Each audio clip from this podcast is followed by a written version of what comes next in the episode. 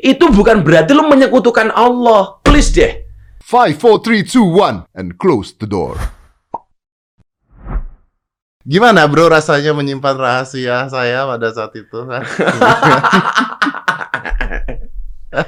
ya, lu tuh cuma salah satu, nggak berapa banyak yang tahu, ya kan? Coba gua mau tanya, Eh, iya, iya. yang lu kasih tahu selain keluarga, Oke, keluarga Kan- malah nggak ada, nggak ada ya? karena nyokap gue umur 86 tahun kalau tahu. Nggak- nyok- nyokap nggak mungkin lah. Iya, bisa beliau yang Selain anak studio, selain anak studio yang tahu, ah, Jenderal RSPAD. jenderal SPAD sama. Ah. ah. Terus ada salah satu teman kita itu yang kita nggak usah sebutin Ah. namanya itulah. Oh, dua. Nah, dua itu. Ini jenderalnya dua nih yang Ah. tahu. Terus lu, Ah. terus lu. Ah. Terus udah gitu dokter pribadi gue Oke lah pasti Lima. itu. lima orang. Di luar tuh nggak ada yang tahu. Di luar itu nggak ada tahu. Berarti lu yang ngasih tahu orang-orang. Pacar lo tahu nggak Ivan Gunawan? dia aja nggak- tahu ya? dia nggak tahu. Ah. Dia nggak tahu. Ah, Habib Hussein nggak tahu. nggak tahu. Nggak ada yang tahu. Artinya kalau ada orang kemudian ngomong dia tahu dari orang terdekat itu pasti. yang paling gue curigain lu sih bro. Padahal gua gak kenal. Nomor kontak gak punya. Instagram gak berteman. Tiba-tiba. Tiba-tiba muncul katanya tahu dari orang terdekat. Iya. Ada Yang paling aneh ya itu. Denny Darko muncul. Dan untung langsung klarifikasi ya. ya karena kalau nggak bisa ngadu domba bro. Iya. Minimal di antara kita berdua. Minimal di antara kita Jangan-jangan berdua. Miftah nih yang ngomong. Pasti Miftah. Mungkin yang lain pasti Miftah. Cintanya dari mana? Dekat dengan media. Ah. Pasti Anda yang ngomong itu pasti Anda. Dan ternyata di media kan sama sekali nggak bocor. Nggak bocor luar Nah, biasa. karena semua teman-teman media nanya ke gua, jawabannya apa? Mas Dedi baru istirahat. Betul. Karena HP aja butuh dicas, Mas Dedi juga butuh recas. Betul. Tapi yang paling lucu adalah tuduhan beberapa akun medsos yang mengatakan Dedi berhenti dari podcast dan media sosial gara-gara ikut pengajian bla bla bla bla bla gitu. Oh, gua tahu. Nah, termasuk di dalam Biturah. Hah, iya serius. Ya. Jadi gue berhenti. Lo karena- berhenti dari podcast dan media sosial karena haram haram. karena ikut pengajian yang seperti itu. Oh gitu. Iya. Dan gue banyak di DM, di tag soal itu. Apa benar? Bahkan satu apa namanya tulisan aku dikasih langsung dari Ustadz Yusuf Mansur bahwa Dedi berguru kepada guru-guru yang dalam tanda kutip radikal. Maka gara-gara itu meninggalkan podcast dan media sosial. Karena menurutnya Nah, itu haram dan lain Haram dan sebagainya. sebagainya. Nah, lo baru tahu kan? Baru Itu tahu. itu banyak artikelnya dan di medsosnya. serius. Serius, ntar gue bisa tunjukin. Ih. Mau ngomong nggak berani. Lah begitu kita- Karena ketika ada orang bilang begini, karena kau lu dipancing supaya gua ngomong lu sebenarnya sakit apa enggak. Ketika dipancing itu, saya bilang apa? Ya alhamdulillah kalau Mas Dedi memperdalam agama, justru gua seneng. Ya nggak apa-apa ya. Iya. Silakan aja. Keren keren keren saja Oh kan. karena gitu. mereka mungkin berpikir gini begitu uh, podcast gue hilang, media sosial gue hilang, terus gue nggak ada kabar ke lu juga. nggak ada kabar Ah. dan sebagainya. Lu padahal tahu, tapi kan maksudnya Kan orang-orang ngomong, berpikirnya lu kan nggak tahu apa-apa. Nggak tahu gitu kan. apa-apa. Lah tujuannya adalah Mas Dedi mungkin mengharamkan podcast, mengharamkan sekarang sudah pengajian dengan ustadz yang benar. Ah. Kalau gua kan sesat. Tidak, tidak benar. Kalaupun ada yang saya haramkan, pasti Gus Miftahnya. Bukan ajarannya Bukan ya. ajarannya. Bukan aja. Serius wah. Serius. Ntar gua bukain salah satu salah, salah satu yang dikirim ke gua deh. Beneran. Beneran. Bagaimana kemudian lo dianggap meninggalkan ini semua ya barangkali unsur keduanya keduniawiannya hilang lah itulah kira-kira. Makanya ikut pengajian yang model-model seperti itu. Saya nggak bisa ngasih. Kalau unsur keduniawian saya hilang, ya Ya nggak bisa bantu dokter Gunawan. nggak bisa bantu dokter. Gunawan mobil. Nggak bisa. Lo kenapa sih pertanyaan begini? Sampai sekekeh itu merahasiakan sakit lo. Oke, Hmm. banyak nih bro. Kan ini, gue banyak. ini, ini menarik nih, ini menarik, ini pertanyaan kok? menarik. Karena karena nggak ada yang nanya sama gue nih, kenapa Ah, nih? Baru Kenapa doang. kok lo ber- Oke. bisa menyimpan rahasia sampai seperti itu? Oke, yang berapa eh, satu-satu ya? Ah, Pertama pasti gua nggak mau keluar di media lagi sakit. hmm. Karena biasanya kalau di media lagi sakit, wah udah netizen dan sebagainya yang mendoakan berapa, yang yang nyukurin berapa, Hmm. terus lihat media capek lah bro. Pasti ujungnya begini. Hmm, kemarin nggak percaya dengan COVID, Oh, pasti gitu. lah. kan ada yang Ah, gitu, ada yang gitu. gitu. Pasti, ah, udahlah ngapain gitu. Ah. Kalau udah sembuh aja lah. Terus Ah. dua gua maunya berita kabar baik. Jadi kalau gua sembuh, gua beritakan kabar baik lah. Intinya Ah. gitu. Tiga, ah, ini tiga. Kenapa? ya? Kalau gua butuh doa, Ah. karena gua masih kurang Hmm. ilmunya, gua pertama kali mualaf sama lu. Hmm. Ya gue rasa ya mendingan gue ngomong sama lu kalau gue butuh doa. Kalau butuh doa ya. Ah, benar. Gue nggak tahu didoain apa enggak ya. ya pasti lah kurang ajar. Oh, nanti gue mau protes itu. Nanti gue protes. Gue ada satu yang mau gue protes. Kalau gue butuh doa, gue pasti didoainnya sama lu. Dan pasti lu kontak gua. Pasti gue kontak lu. Makanya gue bilang, "Eh, bantu doa aja Gus. Gue bilang gitu aja Iya. udah intinya gitu Iya. kan. Nah, terus kalau gue butuh eh, berobat, gue butuhnya dokter yang tepat. Dokter yang tepat. Rumah sakit butuh rumah sakit yang tepat. Ah, Udah. Tim-tim ini butuh break karena butuh tahu. ah. Jadi gue hanya memberitahu orang-orang yang menurut gue butuh untuk nolong gue. Hmm. Udah gitu. Nggak lebih dari itu. Nggak lebih dari itu. Karena kalau enggak, bukan berarti nggak penting ya. Hmm. Karena kalau enggak, kesian juga yang tahu. Mereka tahu, mereka nggak bisa nolong nanti tiba-tiba. Terus mereka kepikiran bisa Hmm. ngapain gitu. Atau mereka tahu mereka nyukurin ngapain gitu. Jadi ya Hmm. udah, mendingan mendingan gue tutup dan gua nggak banyak pikiran. Dan dan teman-teman yang gue kasih tahu kayak lu gue kasih tahu, lu juga nggak ganggu gue abis itu, nggak Enggak. chat-chatin gue terus gitu. Enggak, karena gua tahu lu butuh istirahat. Iya, akhirnya ya udah jadi gue bisa tenang di rumah sakit, gue kritis gue tenang bro. Nah. Gua ingat terakhir cuma bilang, boleh nggak gua tengokin? Bro, gua diisolasi. Iya, lu mau tengokin gue gimana? Makanya itu kecuali kecuali lu covid gitu. Nah, tapi gara-gara lu bersikukuh nggak mau ditengok itu, akhirnya gua punya quote yang kemarin rame itu. Apa? eh masalah itu mengecil bila dirahasiakan dan membesar bila diomongkan, terurai bila diadukan dengan Allah dan membesar jika diadukan kepada manusia. Oh iya bener. tuh. Itu kan Iya, rame, bener, iya kan? iya iya iya, iya. Ah, Masuk dan akal. lo, lo keren itu loh. Banyak orang mancing-mancing gua. Kenapa sih? Kenapa sih? Kenapa sih? Dan bertahan sampai gua bilang apa? Nggak cuma sekali sakit, Pak. Mas Dedi tuh kalau meriang, kalau badannya panas, macem-macem ngomong sama gua, gua juga gak pernah ngomong. Dan Ma- Mas Dedi nggak mau dibilang sama orang. Kan lo berapa kali tuh? Iya bener. Sakit, Bener, nggak enak bener. badan. Bener. Gus, tolong jangan bilang sama orang. Kan gua juga nggak ngomong. Iya bener. Ya sama lah. Waktu bunda sakit juga ya udah. Iya kan? Ngomong. Kecuali orangnya memang mau Ya, Di- mau share apa? share atau misalnya butuh bantuan atau apa tuh beda ya. Ah, Tapi kalau enggak ya nggak. Oh, Cuma gue nggak. Gue mau protes satu hal. kenapa?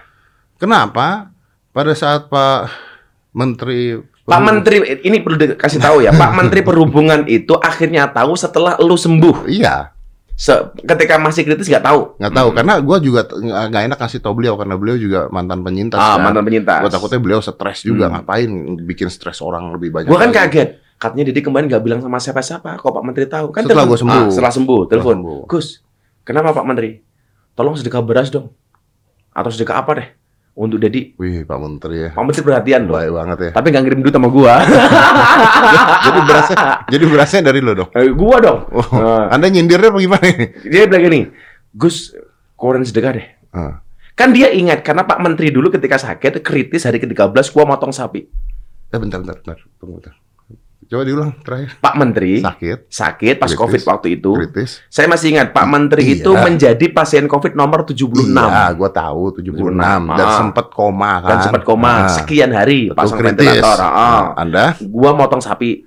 Karena ada ah, bagi saya salah satu eh, mengusir penyakit dengan menolak bala dengan sodakoh. Ada. ada oke Nah, oke. sodakoh itu faul bala. Ah. Sedekah itu menolak bala. Gua Oke. motong sapi harga Oke. 80 juta. Oke, saat Hmm. Pak Menteri sakit nih. Sakit. Mm. Saat saya sakit Anda Gua sedekah beras. kok Tapi- levelnya beda banget ya, Bro ya? Nanti dulu. Ini sapi ini 80 juta. Ah. Gua sakit lu sedekah beras. Sekarang nanti dulu, lo mau protes kan? Menteri. Lo mau protes kan beras beras sama sapi? Ah. Sapi harga 18 ala, harga 80 juta. Gua sedekah beras 18 ton. Oh. Kali 10 ribu 18 ribu kilo Kali 10 ribu 180 juta. Lo masih kurang terima kayak gitu. Eh, Lu gak bilang lu gak bilang seribu ton. Lu gue pikir beras satu karung kan. 18 ribu kilo itu sama dengan 18 ton. Itu kalau untuk beli sapi udah dapat tiga. Dan gua udah siapin sapi satu Warna hitam Warna kesukaan lo Tapi nggak jadi gua potong Udah sembuh gimana Oh, iya, iya, iya, iya, ditahan. Ditahan sekarang Ditahan. bapakin santri di pondok Sapinya beruntung. Sapinya beruntung lu sembuh Serius nih. Bisa dicek Tapi berasnya kita paket per 5 kilo, Heeh. kita kasih ke warga, ke oh, teman-teman ojol, ke para pemulung, dan masih gue tambahin duit. uangnya dari Pak Menteri nih. Tanya Pak Menteri ngasih duit ke bangga. Lah kan Pak Menteri yang minta kemarin. Ya kan dia ngusulin. Oh, Dia, dia Ngusulin, Gus sedekah dong. Dedi, bahasanya begini sih, Gus, Jadi berbanyak sedekah. Gua mikir begini, wong dia baru sakit kok suruh mikir sedekah. juga ya sih. gua dong yang mikir. Iya juga sih. Ah, tapi minimal dia ada perhatian dong, ngingatin kita lah. Iya, gitu iya betul. Eh, kalau ngomongin sedekah Gus ya, Hmm. misalnya nih kayak kayak dokter Gunawan kemarin Hmm. ya, gua tahu dia bantu orang gila-gilaan. Mm-mm. Terus kalau gua kemarin kayak misalnya ngeberi memberi dia sebuah penghargaan gitu ya, Mm. itu tuh masuknya membantu apa tidak Gus? Ya sedekah lah. Apalagi lo tahu keadaan dokter Gunawan. Sedekah dengan sesuatu yang tepat dan dia butuhkan. Mobil. Karena dia udah jual mobilnya untuk pasien yang lain. Ini barangkali orang yang yang belum betul-betul paham kenapa lu ngasih dia. Karena pertanyaannya begini kemarin. Ah, Dedi itu terlalu percaya dengan dokter. Yang menyembuhkan dia dokter. Sehingga, Eh. sehingga terima kasih sama dokter. Nggak langsung kepada Allah. Saya mau tanya, Hmm. karena ada tuh yang komen Ah. netizen. Jadi kan gue, nah ini nih, ini tolong dibahas ya, tolong Ah. dibahas ya. Jadi kan pada saat itu terus gue ngomongin dokter. Ah, ah. Udah gitu gue ngomongin tentang olahraga. Ah. Eh Gus Miftah ini sekarang tiap hari olahraga. Oh, Gila. sekarang badan Liatin bagus. Ototnya liatin Nih, gila liatin banget nih. tuh liatin. Tia jangan lihat, ntar lo naksir. Walaupun gym masih tutup ya. Kan terus gue bilang, jadi yang membuat saya sembuh, ya memang kata-kata gue salah sih, tapi salah dan nggak salah. Gue bilang yang, yang membantu saya sembuh kemarin Hmm. adalah karena tepat waktu masuknya, Mm-mm. bertemu dengan dokter yang baik juga, Mm. saturasi nggak turun, Hmm. dan karena pola hidup yang sehat, Ya. itu yang membantu saya sembuh. Wah, ada orang yang bilang, Komentarnya gimana? Kom- komentar gini. Gini nih ya. Salah, Mas. Dad. Yang membantu dan membuat Anda sembuh adalah Allah Subhanahu wa taala. Allah Subhanahu wa taala Ah, dia bilang gitu. Allah Subhanahu wa taala. Gue jawab lagi. Betul, gue Ah. bilang. Tapi menurut saya Allah juga tidak akan mau ngebantu orang yang nggak berusaha. Heeh. Terus dijawab lagi bawahnya. Berusaha tidak berusaha kalau Allah tidak menghidupkan Anda, Anda sudah mati. Us, langsung Jadi jadi gue bingung jawabnya gimana ya? Yang salah gua, apa yang salah? Gimana nih Gus coba? Nah, ini kita belajar agama nih Gus. sekalian kita ngomong vaksin lah ya. Oke, oke, vaksin. Untuk apa vaksin? Toh habis divaksin masih ada yang sakit. Betul. Kalau gitu untuk apa makan? Kalau habis makan sakit perut. Kalau gitu nggak usah makan sekalian. Logika yang sama sekali tidak rasional. Untuk apa kita vaksin kalau toh habis vaksin masih sakit? Hmm. Kalau gitu pertanyaannya untuk apa kamu makan? Toh setelah makan juga ada orang sakit perut. Hmm. Berarti nggak usah makan sekalian dong. Hmm. Pemahaman yang salah. Satu lagi yang soal usaha tadi. Kita naik motor, Bro. Itu safety readingnya pakai apa? Helm. Helm. Helm. Apakah helm itu bisa menjamin orang tidak kecelakaan? Enggak, ada mati bisa. pakai helm mati ya Pak? Kalau memang takdirnya kecelakaan, ya kecelakaan. Tapi minimal ketika dia menggunakan helm, ada ikhtiar, ada usaha. Dan Allah menyukai orang-orang yang berusaha. Ya tapi bener ya, kalau gitu ngapain pakai helm ya? Lah iya. Orang hidup mati di tangan Di Allah. tangan Allah, kenapa harus pakai helm? Tapi minimal orang begitu menggunakan helm dan tidak pakai helm ketika terjadi insiden dan kecelakaan, lebih berbahaya yang tidak pakai helm. Helm. Karena Dan dia, begitu kita menggunakan helm melindungi kepala kita dengan berarti ada ikhtiar dan usaha. dan, Dan yang Allah, perlu diingat, Allah memerintahkan kita untuk usaha, tidak memerintahkan kita untuk sukses. Ah. Ya kan? iya tidaknya mungkin di tangan beliau. Di tangan Allah. Tapi dia Tapi- melihat usaha kita. Melihat usaha dan ikhtiar kita. Maka kadang-kadang bener sih, bener. Jadi begini, kadang-kadang yang dilihat oleh Allah itu prosesnya, kadang-kadang yang dilihat oleh Allah itu akhirnya.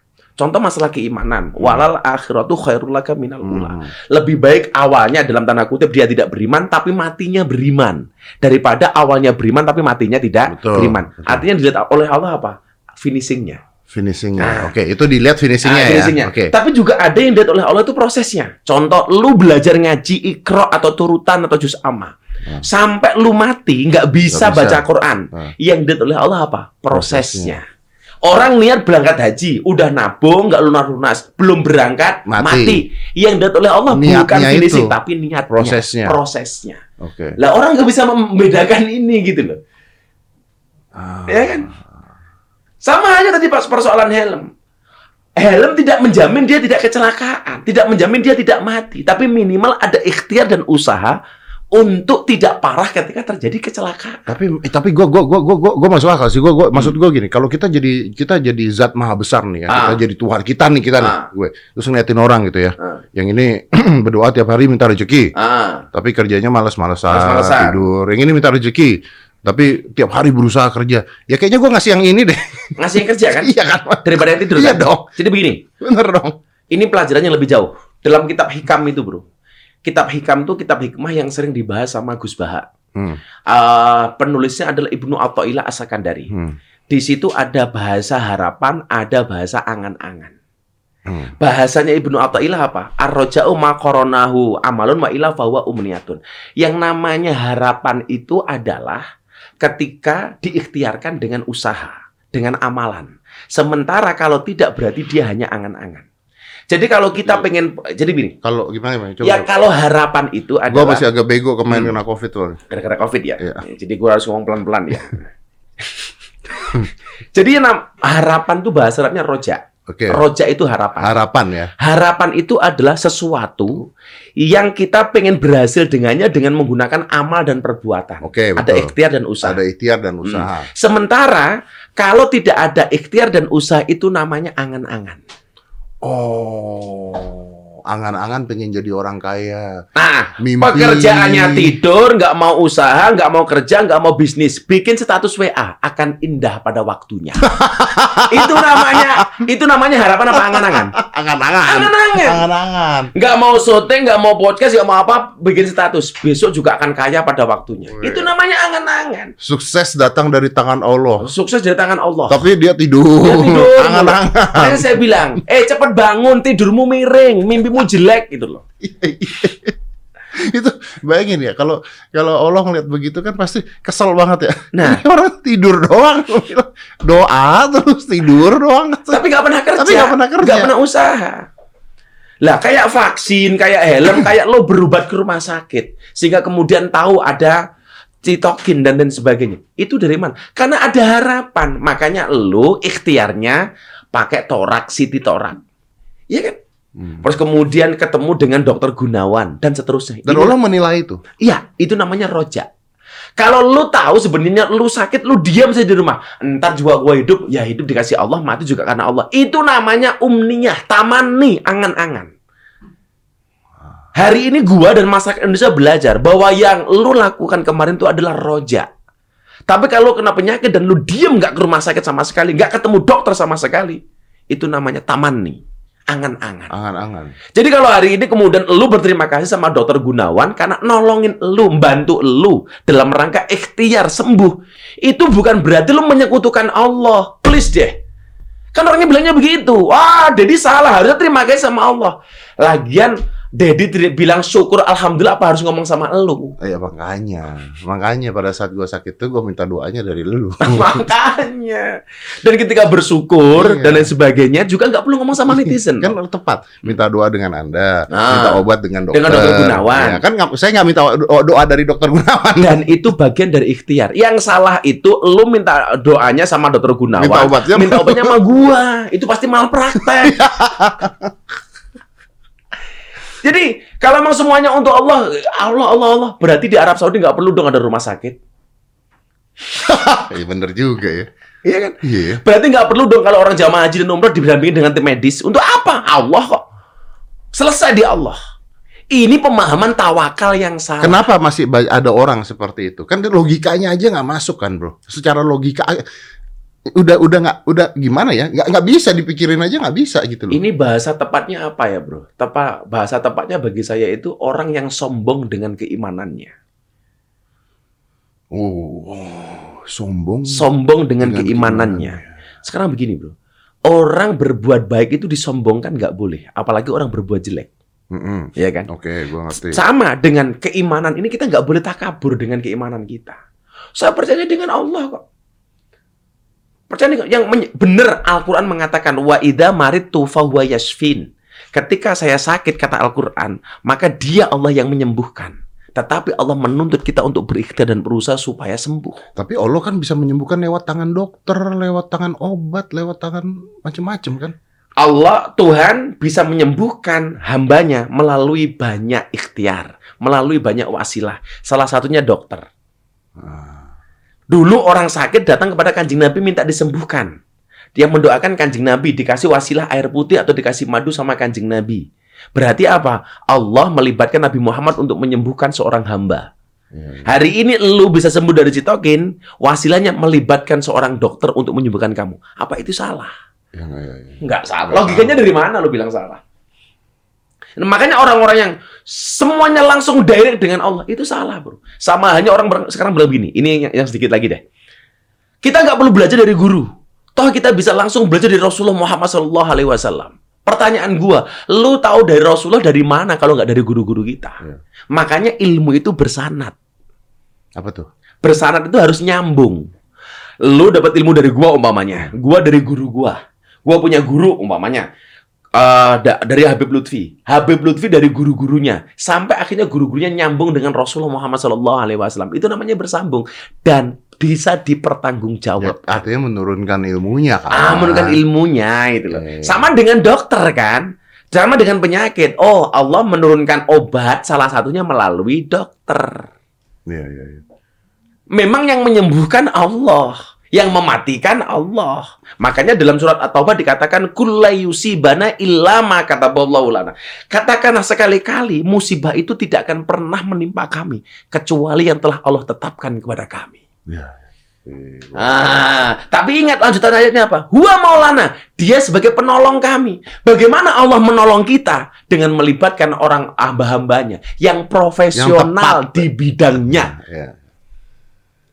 Setelah kita berusaha dengan dokter, minta obat sama dokter Gunawan, akhirnya ayatnya mengatakan apa dia penutupnya? Wa 'alallah fayatawakkalul mu'minun dan hanya kepada Allah orang-orang beriman itu bertawakal. Kalau lu sudah ikhtiar di rumah sakit, ketemu dokter dikasih obat, tawakalnya kepada siapa? Allah. Sekarang saya kembalikan semuanya kepadamu ya Allah. Maka- saya udah berusaha. Makanya benar. Dokter pun mencoba untuk mengobati semua orang, nggak semua orang bisa hidup juga. Enggak semua bisa hidup, Iya. ada yang mati. Ada yang mati. Karena sebenarnya dikembalikan kepada Allah yang berhak menghidupkan dan mematikan hanya Allah. Iya, iya, iya. Dokter sebatas ikhtiar. Dan persoalan hasil atau tidak itu urusan Allah. Tapi ikhtiar itu penting. Wajib tidak Wa- wajib pen- ya. Iya. Makanya gue selalu bilang, lihatlah prosesnya, jangan lihat hasilnya. Ah, fokuslah kepada proses, jangan berorientasi kepada hasil. Jadi misalnya Karena kalau dokter misalnya, tahu yang menghasilkan itu Tuhan bukan dia. dan harus dengan orang yang tepat. Dengan orang yang tepat. Jadi misalnya kalau misalnya saya mau menikah dengan seseorang gitu, tanya dulu dengan peramal tarot itu tepat. Wah, lah ini kalau itu ngomong ramalan. Enggak cuma nanya lu doang. kan saya na- nanya. Eh, Jadi lo ikhtiar seperti bagi sudah benar. Ya, udah benar tuh ya. Benar-benar. Yang jadi rame lagi kemudian adalah ah kenapa sih kalau ikhlas ngasih uangnya di podcast di, di- dia lihat-liatin satu koper, Ya, ya. kuncinya dan sebagainya. Ya. Pertanyaannya, boleh nggak sedekah itu terang-terangan? Harusnya boleh. Boleh. Al-Qur'annya jelas kok. Oh, Ada ada. Ada ayatnya. Ah, coba coba. coba. Alladzina yunfikuna amwalahum billaili wan nahar, yaitu orang-orang yang menginfakkan hartanya baik di malam hari maupun di siang hari. Sirra wa alaniyah, baik dalam keadaan tersembunyi maupun terang-terangan. Fala khaufun alaihim. Mereka orang-orang seperti itu tidak punya rasa takut dan tidak punya kesusahan. Jadi menyedekahkan hartanya sirron wa alaniyah, sirra wa alaniyah. Sembunyi-sembunyi maupun terang-terangan. Itu boleh.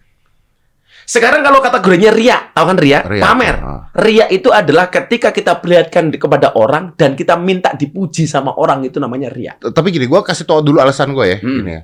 Gini, Gus, lu dah, lu gue gitu. Kita sering banget bantu orang. Gak usah Hmm. Boy. orang di jalanan kita bantu juga sering. Kita nggak nggak pernah kita videoin kan? Hmm. Ya kan maksudnya nggak penting-penting juga gitu. Untuk kan? apa juga? Untuk apa? Nah kalau kemarin Ah. itu gini targetnya. Targetnya adalah gue pengen ngasih tahu bahwa masih ada Ah, dan mungkin masih banyak dokter-dokter seperti ini ah. yang ngebantu orang-orang tanpa pamrih. Itu satu. Pesan moralnya Itu itu. pesan ya? moralnya. Dan kita harus ngebantu mereka gitu loh. Hmm. Jadi ngasih contoh bahwa kan kita banyak pengusaha-pengusaha yang lain, pengusaha-pengusaha yang jauh lebih sukses dari kita berdua gitu ya. Hmm. Kalau pengusaha-pengusaha ini bisa ngebantu, jadi jadi contoh gitu. Kalau Ya. ini nggak disebarkan, tidak pernah menjadi contoh, nggak pernah jadi. Yang pengen lu sampaikan sebenarnya tentang pengorbanannya gunawannya. Iya. Bukan soal pemberiannya. Bukan soal pemberiannya. Tapi kan kalau gue bilang, oh ini kesian ya, gini ya, begini ya, ya. oke terima kasih. Ah, tanpa ngasih apa-apa. Bodoh banget. Lu, lu dinyinyirin lagi. Lagi gue gitu kan. Udah ada orang sukses cuma terima kasih doang. Nah. Jadi orang memperlihatkan sedekahnya itu belum tentu ria. Hmm. Makanya selalu saya bilang, yang tidak boleh itu diam-diam tapi tidak sedekah, tapi terang-terangan nyinyirin orang. Iya benar sih. Nggak ada yang salah.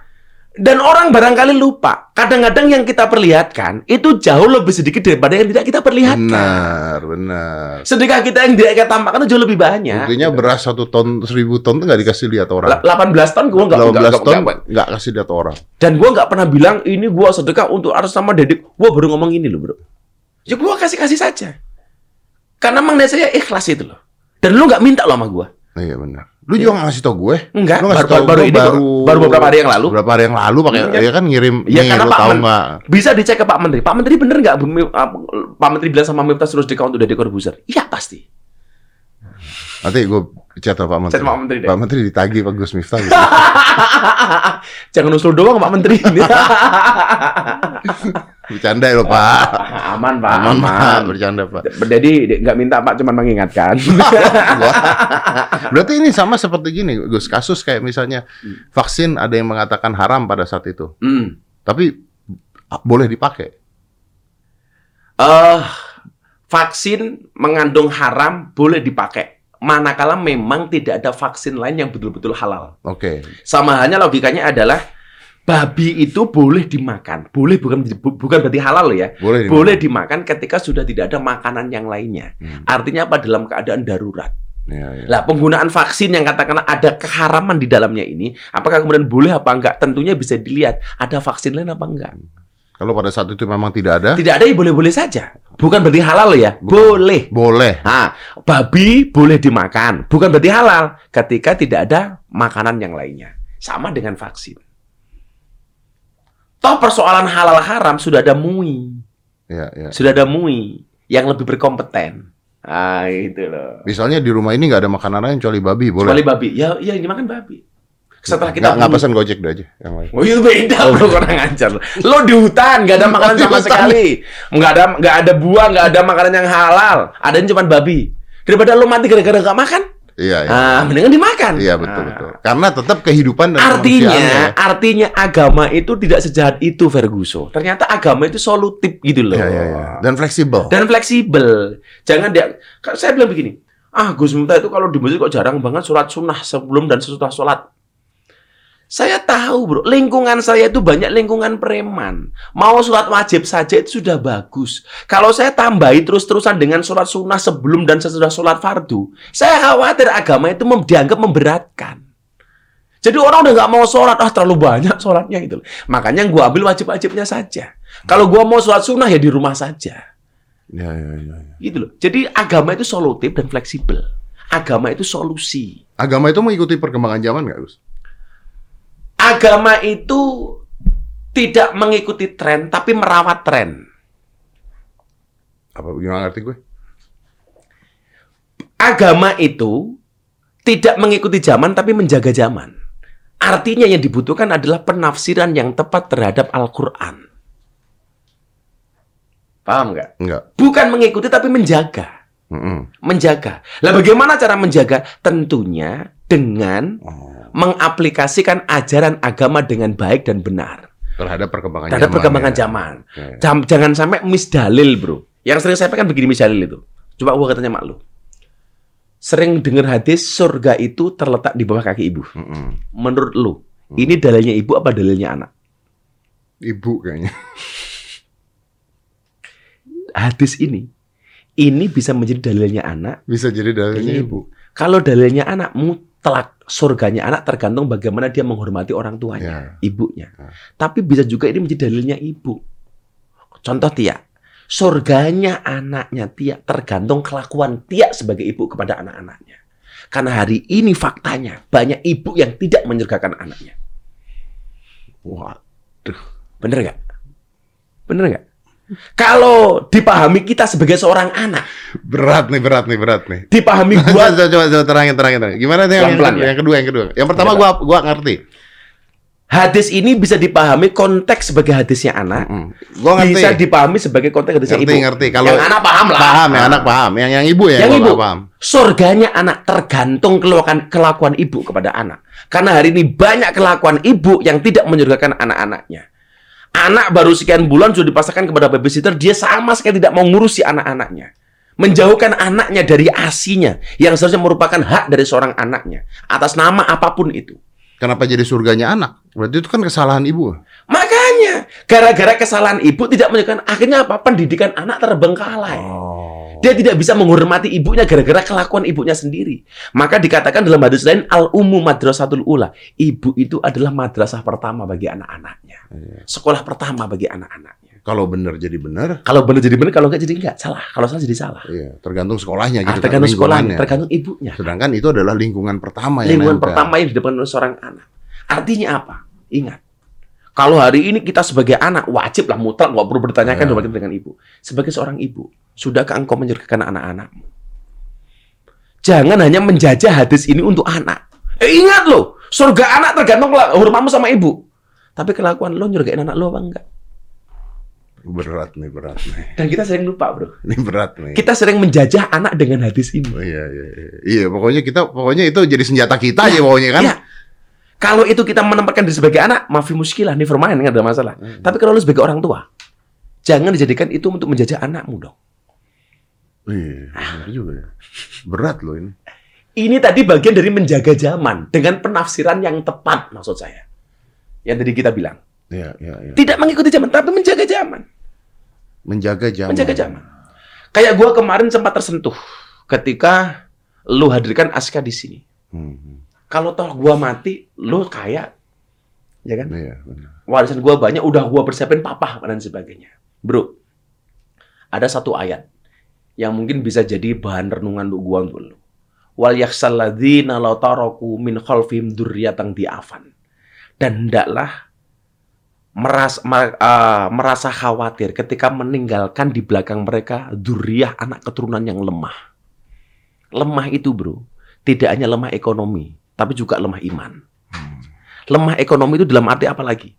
Lemah ekonomi itu tidak hanya ketika tidak meninggalkan harta, Hmm. tetapi ketika kita meninggalkan harta kepada anak kita, tetapi kita tidak menyiapkan ilmu untuk anak-anak kita. Hmm, hmm. Sehingga apa? Dia tidak bisa menggunakan harta itu sebaik-baiknya. Iya, jadi Kenapa? Nggak ada manajemen. nggak nggak ngerti apa Nggak ngerti apa yang dia harus dia lakukan. Iya, benar. Makanya uang itu ketika kita wariskan kepada anak kita dan anak kita tahu dengan kita dan dia bisa menggunakan harta itu sebaik-baiknya, bisa menyelamatkan kita yang mati, bro. Iya. Lo udah mati, Aska masih menggunakan harta lo sebaik-baiknya, ditasarufkan, didermakan dengan cara yang baik. Itu masih bisa membuat lo gembira di sana. Dan bisa memanajemen uang itu ya. Manajemen uang sendiri. Ah, Yang dimaksud dengan keturunan yang lemah itu adalah ketika kita meninggalkan harta kepada anak-anak, tetapi tidak meninggalkan manajemen dan ilmu kepada anak. Iya, betul. Ini juga jarang disampaikan gitu loh. Taunya lemah itu ya lemah ekonomi, lemah agamanya, lemah imannya, itu saja. Tapi kalau lo tinggalin duit, harta banyak kepada anak lo, Tapi nggak tahu tuh. dia nggak tahu bagaimana cara menggunakannya. Tidak pernah mendoakan lu, tidak pernah sedekah atas nama lu. Neraka jadinya. Atau bahkan uangnya digunakan untuk maksiat, untuk narkoba, dan lain sebagainya. Kita yang di alam kubur nangis. Nangis kita. Coba kalau dikasih duit gitu, Askar datang ke panti asuhan. Iya. Gua sedekah nih atas nama bapak gua. Beras 18 tahun. Ini yang namanya duriah diafah. Duriah yang lemah. Maka jangan sampai kita meninggalkan harta, tetapi Tapi tidak meninggalkan ilmu ilmu, untuk menggunakan harta. Wih, bagus, bagus, bagus. Akhirnya gue baratnya begini sih, baratnya setelah citokin ini, aku aku jujur ya, Lu, aku lu, tuh, tuh, tuh, lu senang gue hidup atau enggak sih kemarin tuh? kalau gue pengen lo mati, gue nggak ngeluarin beras banyak. bro. Orang tuh kadang-kadang tanya begini, itu kalau Miftah sama Dedi itu sedekat itu pernah nggak ngomongin duit macam-macam? Allah kita nggak pernah loh bro. ngomongin duit. Kita nggak pernah ngomongin duit. Iya. Gua dari awal yang barangkali waktu gua kenal sama Dedi, rekening gua tidak sestabil sekarang. Nggak pernah gua ngomong duit sama lu. Iya benar. Ya kalau sekarang udah kelewatan, Anda udah. Amin ya Allah. Oh, iya. Kan doanya murid gurunya lebih kaya kan boleh-boleh Iya, saja boleh ya. dong, boleh dong, boleh dong. Kita- Pertanyaannya itu adalah harapan apa angan-angan?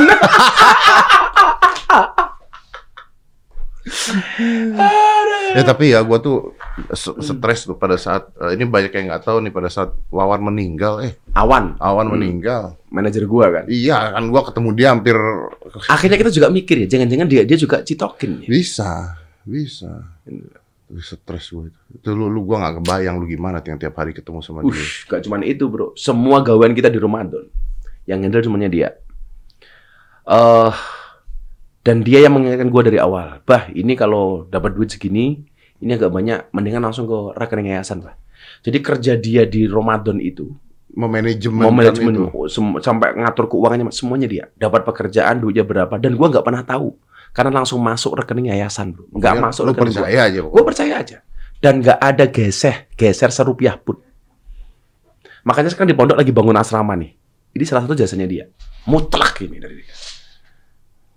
Tapi kita juga apa ya?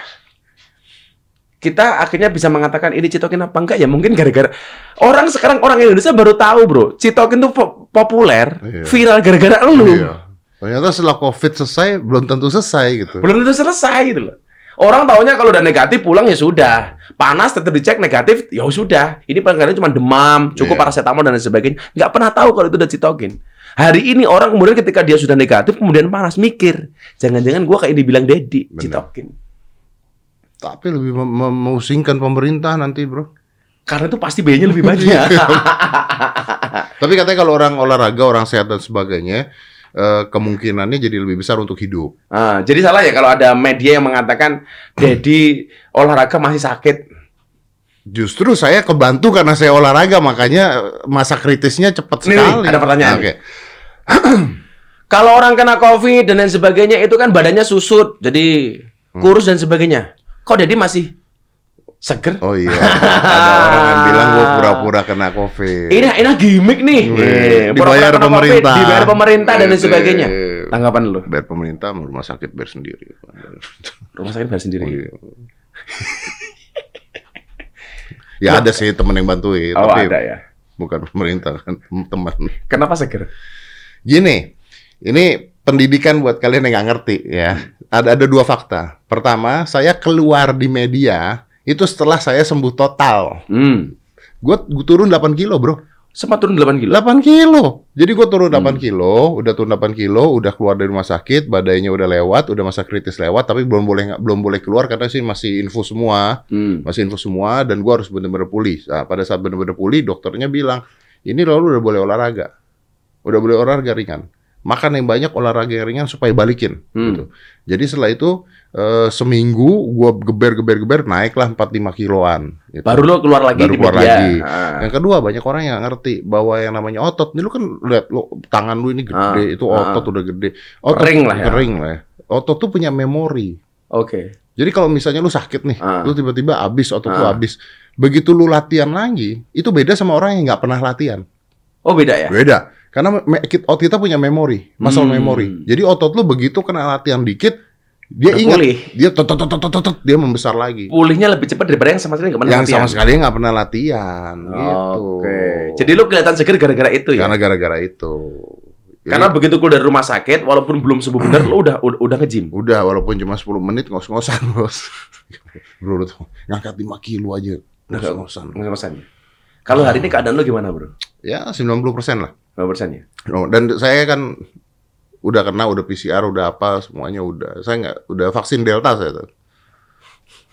Vaksin apa? Delta. Delta apa? Kan virusnya Delta. oh iya bener Delta Ini ya. tuh nggak pernah kena ya? Gua pernah kan? Oh, pernah ya? Pernah, Tapi dulu. nggak apa-apa. Dulu. nggak- nggak ada gejala sama sekali. Iya, dulu. Ah, nggak ada gejala. Kalau gua mau sombong, itu kan tergantung iman dan takwanya. Ah. Tapi setelah lo keluar yang paling ngeselin apa sih? Eh, sebenarnya setelah gua keluar, gua belajar satu hal bahwa eh, dikasih kesempatan kedua kalinya lah. Ah, semuanya orang bilang begitu. Ah, iya, betul. Ah, dulu Pak Menteri itu begitu sembuh, Pak BKS itu, dia punya delapan nadar yang harus dia lakukan. Hmm. Salah satunya adalah nambah kebaikan dan sebagainya. Kalau lu sendiri, oleh Allah dikasih kesempatan yang kesekian kalinya. Barangkali nggak cuma dua lah ini kan. Hmm. Cuma bukan yang kedua, betul. kesekian kalinya. Lu apa yang mau dilakuin? Ya, yang pasti pertama gua akan lebih mempeduli ya gini. Eh, gua gua tuh sekarang lagi bikin yayasan juga Hmm. eh, bareng sama teman-teman yang Indonesia pasti bisa itu. Hmm. Kita tuh mau ngasih eh, pengobatan gratis sampai semuanya gratis untuk teman-teman yang COVID, Hmm. yang COVID sama dan penyakit lainnya Hmm. dan penyakit lainnya. Tidak hanya COVID ya. nggak hanya COVID karena ternyata di daerah-daerah Gus Hmm. itu banyak yang nggak terjamah Gus Hmm. banyak banget jadi kita ngebantu itu gua keluar duit juga buat itu pokoknya kita ngebantu Indonesia pasti bisa official itu Hmm. di Instagram kita bantu itu nah kemarin itu kita mau ngebantu anak-anak autism Hmm. gitu karena gini banyak yang akhirnya orang sakit lain nggak berani ke rumah sakit bro Hmm. Bukan karena nggak nggak percaya rumah sakit bisa menyembuhkan, nggak karena nggak punya ini. karena nggak punya duit Nah. satu karena nggak punya duit dua karena takut covid Oh iya. nah yang masalah adalah kalau nggak punya duit Hmm. Nah ini karena sebenarnya harusnya mereka bisa sembuh kalau mereka punya uang. Kalau mereka punya oksigen mereka bisa. Hmm. Ternyata mereka nggak punya. Jadi orang-orang ini nggak punya harapan gitu, karena nggak punya. Gini deh, sorry ya kalau orang-orang nggak nggak setuju sama gue sih silakan gitu. Duit itu ada gunanya bro, gitu. Dan duit bisa memperpanjang umur. Nah, ya kalau orang bilang gimana ya kalau nanti gue salahin lagi sama orang gitu. Oh, Ah. duit duit bukan duit dunia ini dunia ini jangan nyari duit. Oh, percuma karena kebahagiaan adanya di surga bla bla bla bla. Gua, gua kalau nggak punya duit nggak bisa nolong orang bos. Kalau kalau orang nggak punya duit mati Ba- bos. bahasanya gini. Gimana? Katakanlah, lu kemarin nggak punya duit kena cetokin. Ya, Kemungkinan hidup sama mati banyak mana? ya mati banyak matinya gitu loh. Dan kalau gua nggak punya duit gua nggak bisa nolong orang juga dong gimana dong? Kalau gua doanya, kenapa saya meyakini begini, uang itu akan lebih bermanfaat ketika dipegang oleh orang baik. Nah, nah, jadi kayak pisau kan sebenarnya Ada kan? pisau. Analisis SWOT-nya kan begitu. Iya. Jadi kalau uang itu dipegang oleh orang soleh, saya kira lebih banyak manfaatnya. Dan Master tahu, dalam kitab Wasiatul Mustafa itu ada hadis keren banget. Apa itu? Wasiatul Mustafa itu wasiatnya Rasulullah kepada Sayyidina Ali. Ah. Sesungguhnya para wali-walinya Allah itu mendapatkan ridho dan rahmat Allah bukan karena banyaknya ibadah. Bukan karena banyaknya ibadah. Tetapi mereka mendapatkan itu diangkat menjadi walinya Allah, mendapatkan rahmat dan ridhonya Allah. Bi sakhawatin nafsi karena banyaknya sedekah. Karena banyaknya memberi. Makanya orang ahli sedekah sama ahli ibadah itu tingkatnya lebih tinggi mana? Ahli sedekah. Kalau saya ahli ibadah, yang mendapatkan manfaat dari ibadah saya siapa? Diri saya sendiri dong. Gua sholat tahajud, gua sholat duha, yang mendapatkan kebaikan siapa? Gua sendiri. Tapi ketika kita memberi kepada orang lain, share ke orang lain. sedekah kepada orang lain, siapa yang mendapatkan manfaat? Banyak orang, bro. Kalau gue cuma sholat duha, yang dapat pahala cuma gue sendiri, bro. Gue sholat tahajud jam 2 malam, yang dapat pahala gue sendiri. Kebaikan gue sendiri. Surga gue sendiri. Tapi ketika aku berbagi sama orang lain, berbagi beras, berbagi daging sapi, berbagi uang, yang mendapatkan kebaikan siapa? Banyak orang. Dan Iya. ternyata itu lebih disukai oleh Allah. Dan itu kan sama dengan keadaan misalnya lu lagi sholat tiba-tiba di depan ada orang teriak minta tolong. Ah. Ya kita keluar karena ada orang keluar minta tolong gitu kan. Tolong. Artinya apa? Eh banyak jalan kemudian bagi kita untuk mendapatkan ridhonya Tuhan. Jadi nggak ketiplak plak plak gitu ya. Iya. Bahwa kita beribadah wajib dong gitu ya. Tapi ada banyak amalan lain yang kemudian bisa mendekatkan diri kita kepada Allah. Makanya ada satu hadis yang mengatakan apa? Wallah fi aunil abdi makan al abdu fi auni akhi. Demi Allah, Allah akan menolong hambanya manakala sang hamba mau menolong saudaranya. Kalau you lihat orang di, orang susah you diem, begitu besok kamu susah Allah akan diem. Lihat orang kelaparan kamu tidak mau bantu, besok kamu kelaparan Allah tidak akan pernah bantu. Tapi sebaliknya, kalau lihat orang susah kamu bantu, besok belum sempat kamu susah Allah sudah bantu. Karena- Dan saya yakin itu. Makanya saya selalu mengatakan apa? Kalau kita ngasih sama orang, yang seharusnya berterima kasih bukan orang kepada kita, bro, tapi kita kepada orang yang kita kasih. Kenapa? Karena bisa jadi pemberian kita kepada dia menyelamatkan dunia dia, menyelamatkan perut dia. Tetapi ketika dia menerima uang kita itu menyelamatkan akhirat kita. Makanya kalau gitu nggak salah nih. Kalau ada kesempatan kedua, ketiga dan sebagainya melihat ini melatih dan Indonesia dan sebagainya, maka harapannya adalah kita harus lebih kaya lagi, bro. Harus lebih kaya. Makanya gua berdoanya begini, ya Allah, uang itu memang tidak bisa menjamin kebahagiaan ya Allah. Tapi kalau banyak bisa.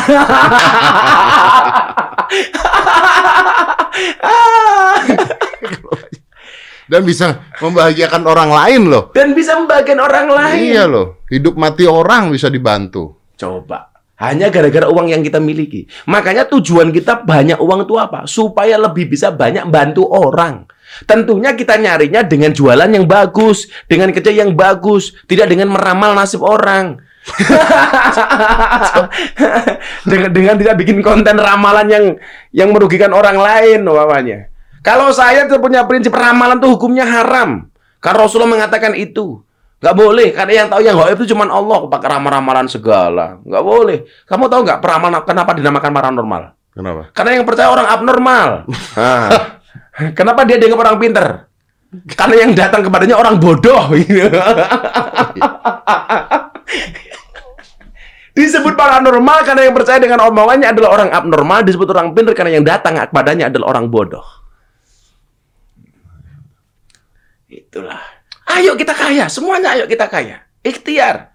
Jangannya sambat-sambat. Dan kaya tuh nggak apa-apa kan? Kanjeng Nabi juga kaya. loh, bro. enggak kan? Tapi kan ada sekarang ajaran-ajaran yang wah jangan eh, mencari harta itu nggak lengkap gitu loh. Jangan mencari harta kalau hartanya untuk keburukan kan begitu harusnya. Iya dong. Kayak lu nggak tahu aja ajaran-ajaran yang begitu. Ya dipotong-potong kan. Sekarang apa-apa dipotongin, ayat dipotong, hadis dipotong, semuanya dipotong-potong. Jadi pemahamannya jujur Saya tuh sempat marah sama santri. Kan setelah adzan tuh biasanya ada puji-pujian tuh di masjid tuh. Hmm. Ada orang solawatan atau pakai syair dan sebagainya. Dalam bahasa Jawanya begini, ntar gua terjemahin bahasa Indonesia. Rugi dunya ora dadi apa-apa, rugi akhirat bakal ciloko. Artinya apa? Rugi dunia tidak jadi apa-apa. Eh, jangan bilang rugi dunia nggak jadi apa-apa. Lu nggak punya duit nggak bisa nyokolain anak. Lu nggak punya duit nggak bisa bangun masjid. Malu kali orang Islam bikin masjid, cari kotak infak di jalan, minta-minta ngemis, jaring uang di jalan. Itu kenapa bisa terjadi seperti itu? Karena nggak punya uang. Saya itu sangat menolak bro, fenomena orang Islam bangun masjid harus pakai jalan, Iya, pakai tahu. jaring di jalan. Oh, iya. Sedekah, malu kita bro. Gitu. Coba kalau gitu, ekonomi kita mapan, nggak harus terjadi seperti itu. Siapa bilang rugi dunia nggak jadi apa-apa? Masalah dong. Iya. Lu bagaimana dulu kemudian tertarik untuk menjadi seorang muslim kalau gua nggak secara kontinu datang ke tempat lu? Yang gua harus beli tiket pesawat cari hotel gua nggak pernah minta lu. Gua nggak punya duit. Tunggu ya bro. Besok gua datang ke Bintaro kalau gua udah punya duit. Lu paling ilfil sama gua lah. Ah siapa datang Miftah. Aduh gua mikir tiketnya gimana nih?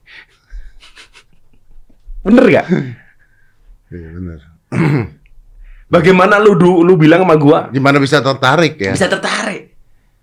Bagaimana kemudian gua nggak gagah ketika gua diutang di, di- diundang ke acara lo hitam putih, gua dikasih fee sebagai bintang tamu, uangnya gua bagi kepada kameramen, kepada teman-teman official masih ingat nggak? Mhm. Dan yang sekecil itu lu perhatikan. Tapi untuk seperti itu, lu pun harus punya duit dulu. Harus punya duit. Oh, iya. Walaupun tidak harus kaya, Iya, tapi minimal punya. punya. Maka konsep zuhud menurut Imam Al Ghazali itu adalah zuhud itu bukan tidak boleh punya uang, tetapi hatinya jangan disibukkan dengan uang. Beda tuh. Tuh, tuh Oh beda, beda, tuh. beda, Beda. Bukan berarti tidak boleh punya uang. Ya kalau kemudian gini, banyak orang yang hatinya disibukkan dengan uang. Itu yang Ba- bisa korupsi. Ya, bahkan begini bro, banyak orang yang disibukkan hatinya dengan uang. Bahkan dia yang tidak punya uang, tapi hatinya sibuk hitung uang. Contoh begini, lo punya Rubicon, Rubicon, kita nggak punya mikir. Waduh, kalau beli Rubicon kayak gitu besok kalau banyak pecah gantinya berapa? Kalau mobilnya rusak, ordernya nyari di mana? Lu nggak punya saja mikir gitu loh. Bener nggak? Nggak punya mobil Rubicon saja, Ini hati lucu, dan lucu. pikiran Ini disibukkan lucu, ini. dengan Rubicon. Ini lucu ini. Yang bahkan bukan urusan lu. Bukan urusan lu, lu gak punya apa-apa, tapi hidup lu disibukkan dengan dunia kan buktinya. Padahal lu gak punya dunia. Punyanya orang lain lagi. Apalagi lu punya dunia. Makanya konsepnya ada, lu boleh punya dunia, tapi hati lu jangan disibukkan dengan dunia. Makanya uang itu tempatnya di tangan, bukan di hati. Jadi kalau ada orang minta langsung ke tangannya ngasih, hatinya nggak berat. Sering gue bilang, mobil itu tempatnya di, di garasi, bukan di hati. Artinya kalau mobil kita rusak, ditabrak oleh orang, yang rusak cukup mobilnya, hatinya nggak ikut-ikutan Iya. rusak. Lu kan menempatkan uang di Iya, tangan, makanya begitu lu ngasih ke Dr. Gunawan dan yang lain sebagainya, enteng saja. Karena gua tahu lu ngasih orang tidak hanya karena orang itu bantu lu kayak Dr. Gunawan. Iya. Bukan karena dia bantu Bukan gua. karena dia bantu. Karena gua tahu dia ngebantu orang banyak gitu. Ah, itu loh. Jadi ya main-main saja itu loh. Saya ulangi ya. Bukan tidak boleh punya uang, tetapi hatinya tidak disibukkan dengan uang. Ada orang beli Mercy baru. Kita mikir, Apa aduh itu kalau kesenggol gimana? Yang gua lucu disebutkan oleh uang tapi uang orang lain. Uang gitu. orang lain. Uang lu Tapi nggak- banyak orang begitu, Bro. iya, kita nggak punya uang tapi suka ngitung uang. Iya. Ngitung-ngitung gitu. Hitungnya uang orang lain. Uang orang lain dihitung-hitung. Waduh, kayak Master Daddy itu podcast Pendapatannya berapa ya? viewernya sebanyak itu, subscribernya nggak kalah banyak sih sama sama youtuber yang lain, tetapi viewernya seperti itu. Itu, uh uangnya berapa ya? Yang punya duit aja nggak pernah ngitung, lu berapa duit berapa? Iya, bener. Masa yang nggak punya malah ngitung-ngitung gitu loh. Kayak bahasa-bahasa media, youtuber terkaya di Indonesia, Deddy Corbuzier nomor satu, penghasilan 500 itu sampai 7 miliar. Iya. Wow. Oh. Dan gilanya Deddy bilang amin. Am- amin. Nanti orang Oh, iya. datang gimana? Suruh lihat langsung. Iya, amin lah. Oh itu doa kok. doa, gua anggap doa ya walaupun tukang pajak terus jadi datang gitu kan, tapi Tapi doa. lo, lo bisa jelasin ke mereka. Oh iya benar. Ah, benar. gitu loh. Ini kita nggak punya aja disibukkan, apalagi kita punya. Kenapa manusia gitu ya? Ya, kepo. Sirik atau apa? Kita kan punya penyakit. Susah melihat orang senang dan senang melihat orang susah. Iya benar. Apa kesuksesan lu semua orang senang? Enggak. Enggak. Lu kemarin Gue yakin ketika kalau gue sakit Dan itu di- di- dia gue umumkan, di-share. yang nyumpain mati banyak pasti. mutiar, mata Ah, gitu. mampus, belagu sih lu. Belagu lu. Ah. Selasa ini nggak percaya dengan COVID lo. Oh, ini. iya. Kalau diem Eh, kan maaf ya, beda. nggak percaya jaring bukan gue. Oh, jadi nggak bukan lu pak ya. Nah, sampai nggak percaya nggak mau diundang podcast soalnya. Tapi mau divaksin bro. Oh mau divaksin. Oh, iya. Ya karena keadaan kepepet. Kepepet. kepepet. Jadi, nggak apa ya? Eh suka kok ngitung harta orang lain. Sehingga jatuhnya apa? Kalau jatuhnya memberikan motivasi dan inspirasi, wah keren. Wah, Dedi bisa sukses itu sebagai YouTuber, oh, gua bisa lah. Eh, Jadi itu keren, contoh. jadi contoh. Tapi kalau jatuhnya syirik, jat- jat- jatuhnya apa namanya? Hasud, iri, dengki dan sebagainya. Bahkan tidak hanya hasud. Dalam surat eh, Al-Falaq itu apa? Wa min syarri hasidin idha hasad. Hasud masih ngajak orang lain melakukan hal yang sama. Iya. Jadi kalau gua nggak suka sama lu itu namanya hasut saja. Tapi kalau gua ngajak yang lain, ngajak Agus, ngajak Didi, ngajak Tia, nggak suka sama ya? itu provokasi. Maka jauhkanlah kami dari orang yang hasut dan mengajak orang lain melakukan hal yang sama. Itu jelek banget, bro. Kalau gua nggak senang sama lu, tak pendam nih. Aku sebenarnya nggak nggak suka sama Ya dia. udah. Itu boleh-boleh saja kok. Iya.